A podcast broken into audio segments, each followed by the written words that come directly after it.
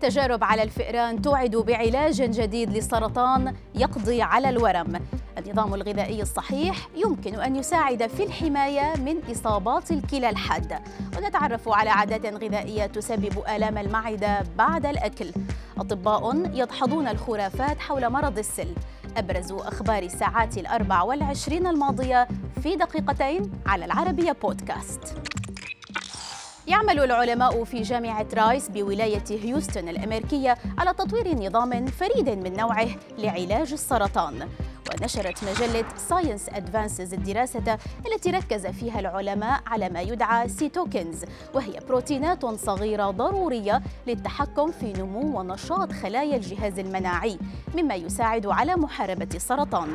ويقوم العلماء بتجربة هذه التقنية الجديدة على القوارض مشيرين إلى أنها ساهمت في الحد من الورم في نوعين من السرطانات وهما سرطان القولون والمستقيم وسرطان المبيض. ولاحظ العلماء انخفاضا ملحوظا في الورم لدى الفئران في أقل من ستة أيام. وجد فريق من الباحثين أن اتباع استراتيجيات غذائية مختلفة يساعد في منع الإصابة بمرض الكلى الذي يعتبر مرضا شائعا وخطيرا وليس له إجراءات علاجية. ونشرت مجلة Translational Research نتائج دراسة ركزت على اتباع أنظمة غذائية محددة للوقاية من هذا المرض. أبرزها نظام الكيتو الذي يعتمد على تناول كميات كبيرة من الدهون وتقليل الكربوهيدرات ونظام تقييد استهلاك السعرات الحرارية بشكل عام. ووجد الباحثون أن هذه الأنظمة الغذائية قدمت مساهمة كبيرة كخيار وقائي وعلاجي لإصابات الكلى الحادة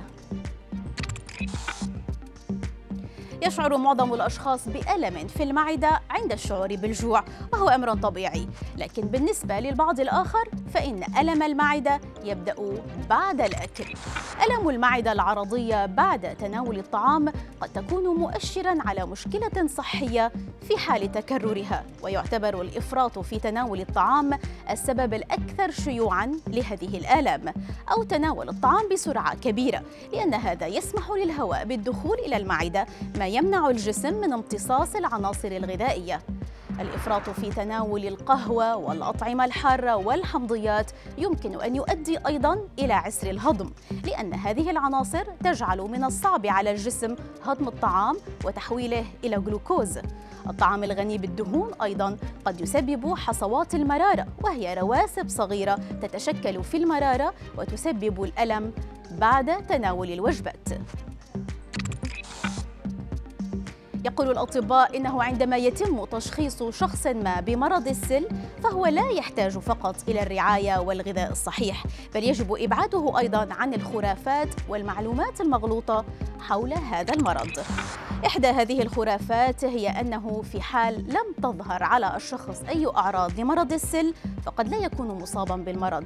والحقيقة كما يقول العلماء في موقع Times of India فإنه من الممكن أن يصاب الشخص ببكتيريا السل لأسابيع دون أن يعرف ودون أن يعاني من أي عوارض أو مضاعفات.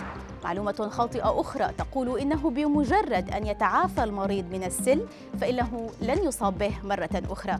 ويدحض العلماء هذه الفكرة مشيرين إلى أنه حتى لو شفي الشخص من مرض السل فمن الممكن أن يصاب بالعدوى للمرة الثانية. لذلك من الضروري للمريض أن يكمل دورة العلاج بالكامل بعد تشخيص إصابته بالسل